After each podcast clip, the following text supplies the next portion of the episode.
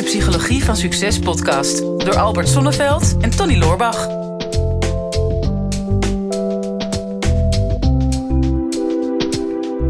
Albert, ik heb een vraag eh, binnengekregen. Ik, ik denk dat we er wel iets nuttigs over kunnen zeggen, maar ik vind het wel een moeilijke vraag. Echt waar? Ik, ik, ik vertrouw op jouw expertise. Jij hebt eh, zes dochters. Ja. Dat, eh, dat jij hier iets nuttigs over weet te zeggen.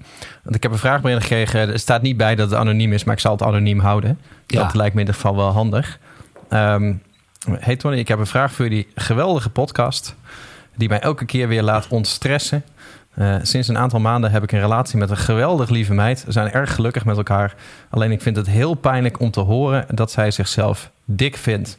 Hoe kan ik hiermee omgaan? En hebben jullie wellicht relatiegerelateerde tips? Nou, die relatiegerelateerde tips die laten we even, laten, laten we even achterwege. Maar dus, dus je hebt een vriendin en die vindt zichzelf te dik.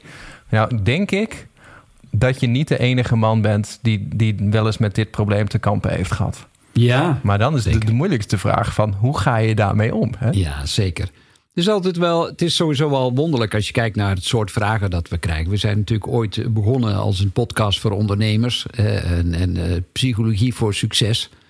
En eh, ja, het gaat steeds meer over de psychologie. En wij hebben een succes. Dus dat is wel Ja, dat was ook de psychologie van ons succes. ja, van ons succes. Ja. Maar ehm, hè, normaal gesproken behandelen we met name vragen voor ondernemers. Maar dit is wel een, een vraag waarvan we allebei al zeiden: van ja, dit, dit is wel iets wat waarschijnlijk heel veel mensen mee te kampen hebben. Mhm. En het gaat natuurlijk over. Het, het gaat niet zozeer over te dik zijn, eh, maar het gaat over een negatief zelfbeeld. Dat, is, dat is één ding wat er is. En het andere is dat ehm, er veel onzekerheid is, ehm, zowel bij mannen als vrouwen. Want het is natuurlijk heel lastig om al meteen een stereotype te zijn. Maar wat ik wel geleerd heb als vader, eh, als ik dan in de badkamer stond, s'morgens. En eh, ja, ik moest altijd wachten natuurlijk, want die dames hadden eindeloos veel tijd nodig voor die spiegel. En dan om de havenklap, ongeveer iedere vijf minuten was er wel een, een wanhopige gil in die badkamer. En dan varieerde dat van, ah, ik heb een bad hair day. Oh ja. En dan was het gewoon, dan kregen ze dat haar niet op de manier zoals ze dat graag eh, hadden willen. Ik heb dat eh, vandaag voor- ook. ja, voor de mensen die op YouTube kijken, ik zou zeggen, neem uitgebreid de tijd om even te kijken naar de haardracht van onze Tony. Ehm, of er was, een, er was een puistje, of er was iets wat er, wat er mankeerde eh, in, in hun geval. En er was altijd iets aan te merken op hun lichaam. Mhm. En terwijl ik als man daartussen stond en dan nog eens een keer goed in de spiegel keek en dan zei van, nou, ik zie er eigenlijk nog best wel goed uit vandaag. en en ja, dat is natuurlijk, het is heel erg, eh, misschien ook wel kenmerkend en generaliserend. Maar aan de andere kant valt me dat wel op. Dat, dat als je kijkt over zelfbeeld, dat mannen over het algemeen daar wat makkelijker mee omgaan dan vrouwen. Nou, goed. En eh, dat is één. Maar ja, als je een negatief zelfbeeld hebt, of liever gezegd, je hebt een partner met een negatief zelfbeeld, dan, dan vraagt dat wel een bepaalde behoedzaamheid. Want er zit altijd iets onder waar je je moet afvragen van, goh, ben ik nou de partner of ben ik nou de therapeut? Eh, Want vaak zit daar wel een, een, een probleem onder wat, wat al heel lang teruggaat vanuit de gedachte van ja, ik ben niet goed genoeg of voldoe ik wel? En, en als je gaat kijken hoe je als man eh, in een relatie moet verhouden naar een vrouw, dan zijn er twee dingen die ik in ieder geval in mijn leven geleerd heb. Is geef eh, je partner altijd het gevoel dat ze de allerbelangrijkste is in je leven. Mhm. Eh, en ja, mannen, helaas, dat gaat zelfs boven werk, voetbal en auto's. Hè? Toch wel. Ja. Oké. Het is eh, heel, heel, heel lastig, hè? maar zet ze altijd op de eerste plaats. Letterlijk en figuurlijk. Mhm. Draag ze op handen. Geef ze alle credits die ze verdient. En, want in mijn ervaring is dat dat... Je denkt, oké, als ik dat één keer per jaar doe met een bloemetje... Mhm. dat is echt veel te weinig. Hè? Dat, Ja, het doet me denken aan, jij bent ook bij veel, veel bij Tony Robbins geweest natuurlijk. Of jij was vroeger onderdeel van het team van, eh, van Tony zelfs. ja, En, eh, nu weer hè. Maar een andere Tony. Ja, precies. Ja, bijna. Maar eh, ik was toen bij een seminar van hem en daar ging het ook heel veel over eh, relaties en man-vrouw polariteit. En dan heeft hij het hier ook over. En ergens, ja, ik vind het moeilijk om te zeggen, want het is, het is heel erg seksistisch en generaliserend. Maar hij zegt op een gegeven moment wel van: When do women need reassurance?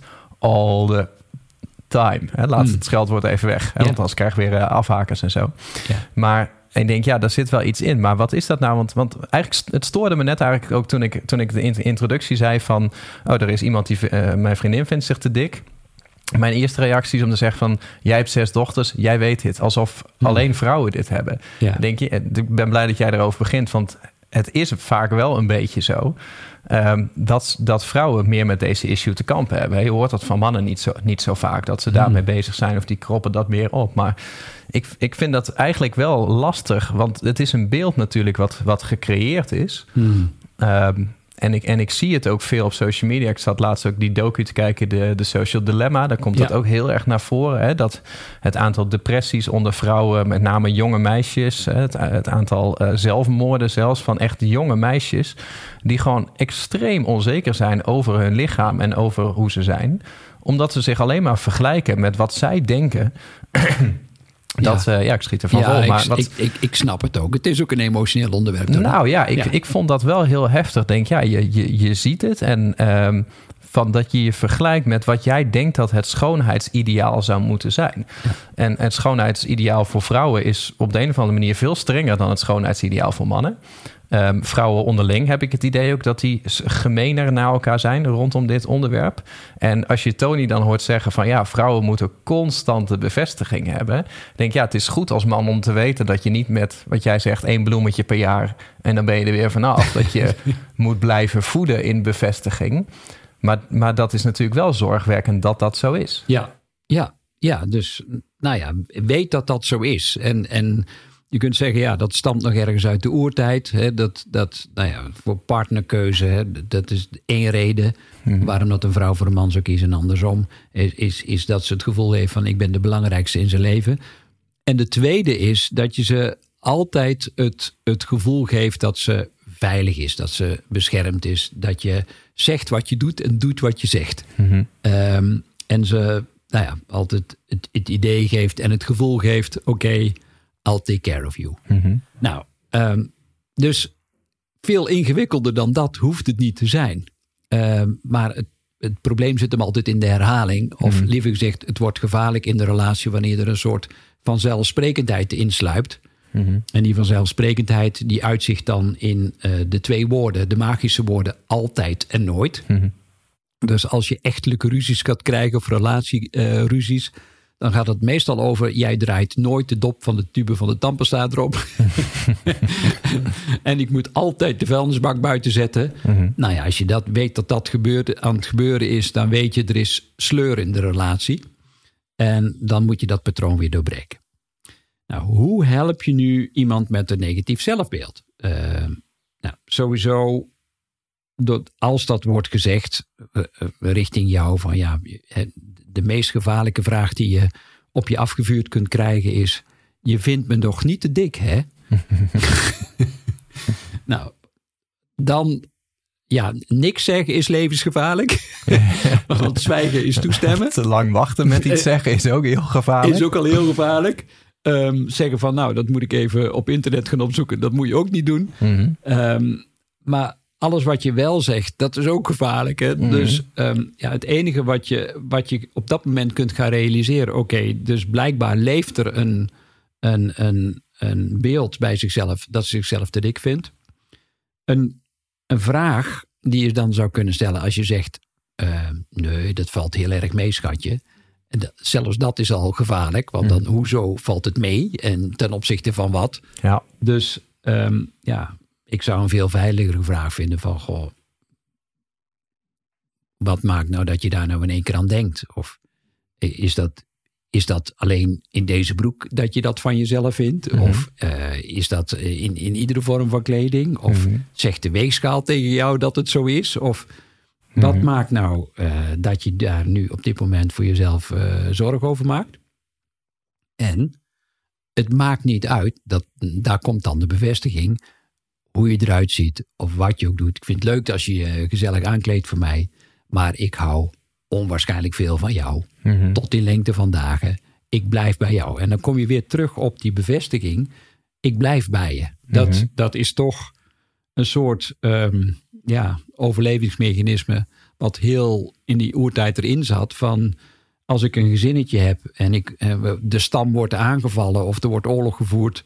En ehm, ik moet beschermd worden. Mhm. Ja, dan heb je natuurlijk wel een stevige vent nodig die eh, gespierde armen heeft.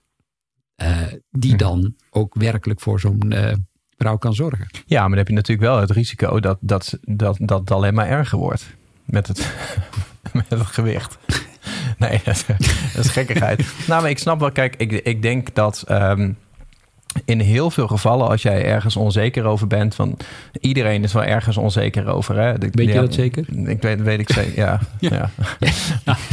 ja. Vroeger twijfelde ik nog. Tegenwoordig weet ik het niet meer zo zeker. Maar goed, Nee, maar, maar, iedereen heeft zijn onzekerheden. En ehm, eh, op de een of andere manier, eh, er, in, in de eerste laag wil je daar geen enkele vorm van bevestiging op hebben. Hè, dat, dat jouw onzekerheid klopt. Dus je wil alleen maar dat mensen tegen jou zeggen dat je, dat je niet te dik bent. Of dat je, dat je er wel fit uitziet. Of dat je er wel toe doet, zeg maar. Hè, in alle mogelijke vormen. Ja. Alleen... ehm, dat, dat, dat zal nooit een verzadigingsniveau bereiken. Hè? Dus het maakt niet uit of nou tien mensen of honderd of duizend of de hele wereld tegen jou zegt dat je niet te dik bent. Dat op de een of andere manier komt dat niet binnen als je dat zelf niet gelooft.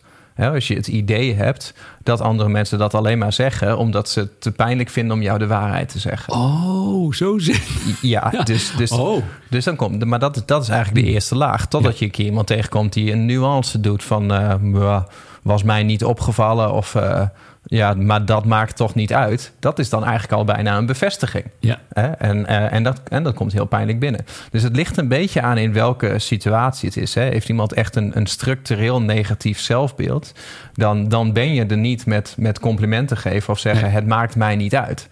Ehm, want want dat, dat lost het voor haar niet op. Nee, sterker nog. eh, hij geeft me een compliment. Hè, maar dat doet hij waarschijnlijk omdat. En dan wordt het weer omgedraaid. En dan wordt het weer tegen je gebruikt. Omdat hij anders vanavond op de bank slaapt. Ja, Ja, ja, ja. precies. En, en ook daarvan. Maar eh, als jij eh, eh, eh, iemand lief hebt.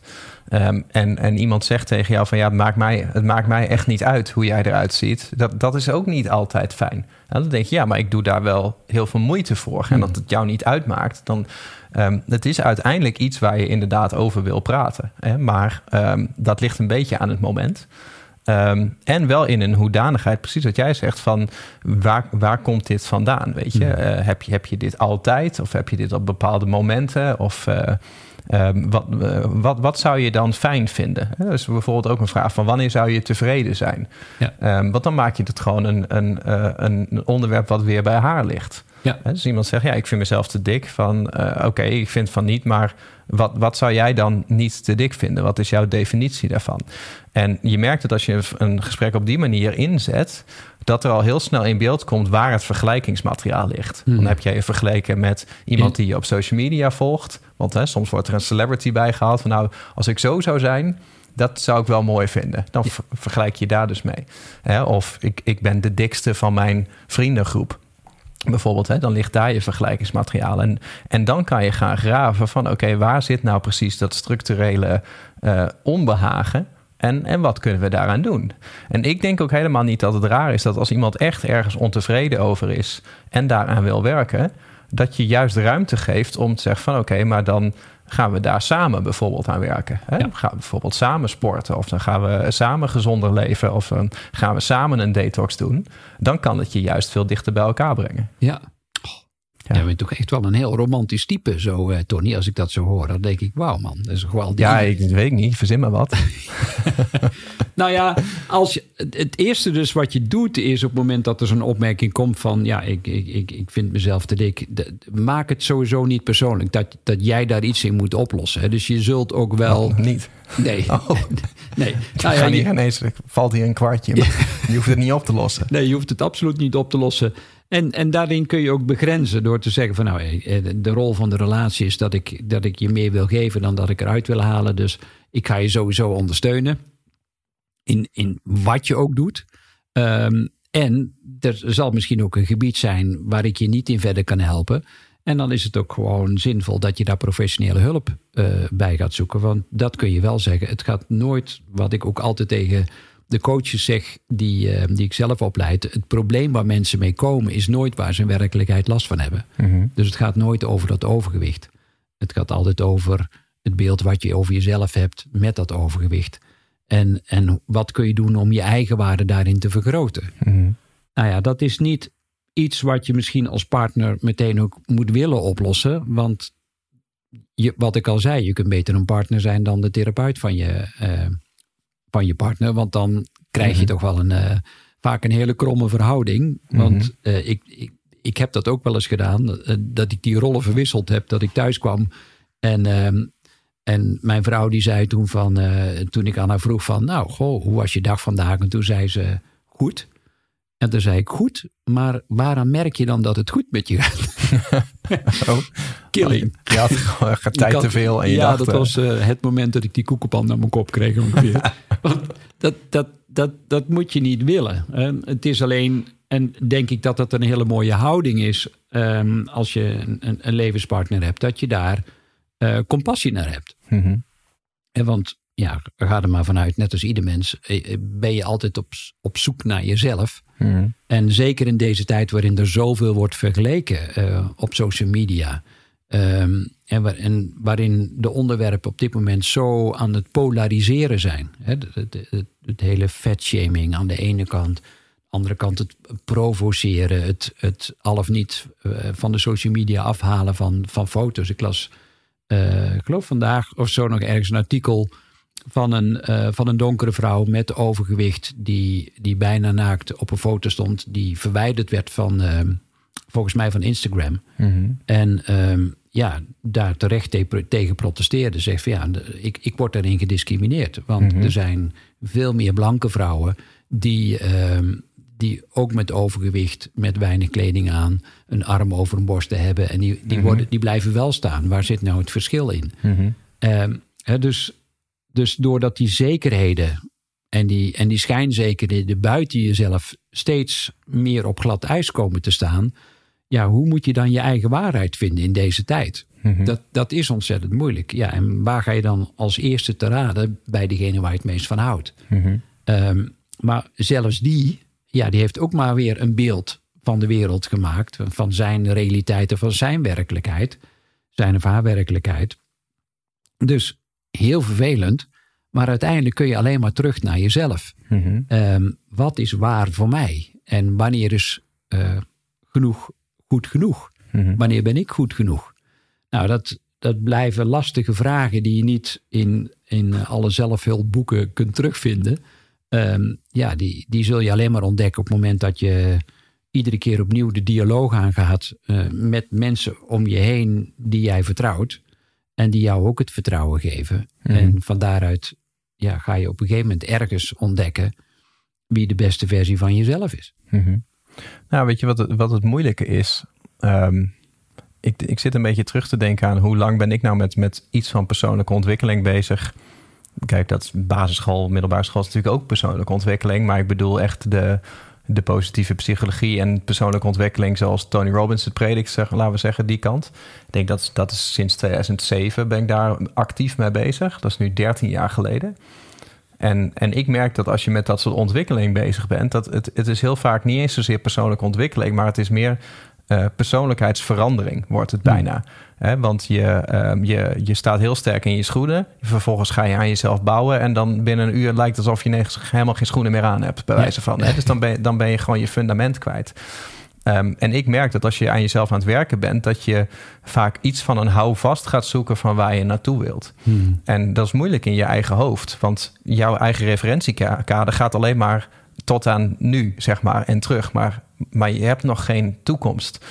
Ehm, dus je gaat je vaak vergelijken met andere mensen.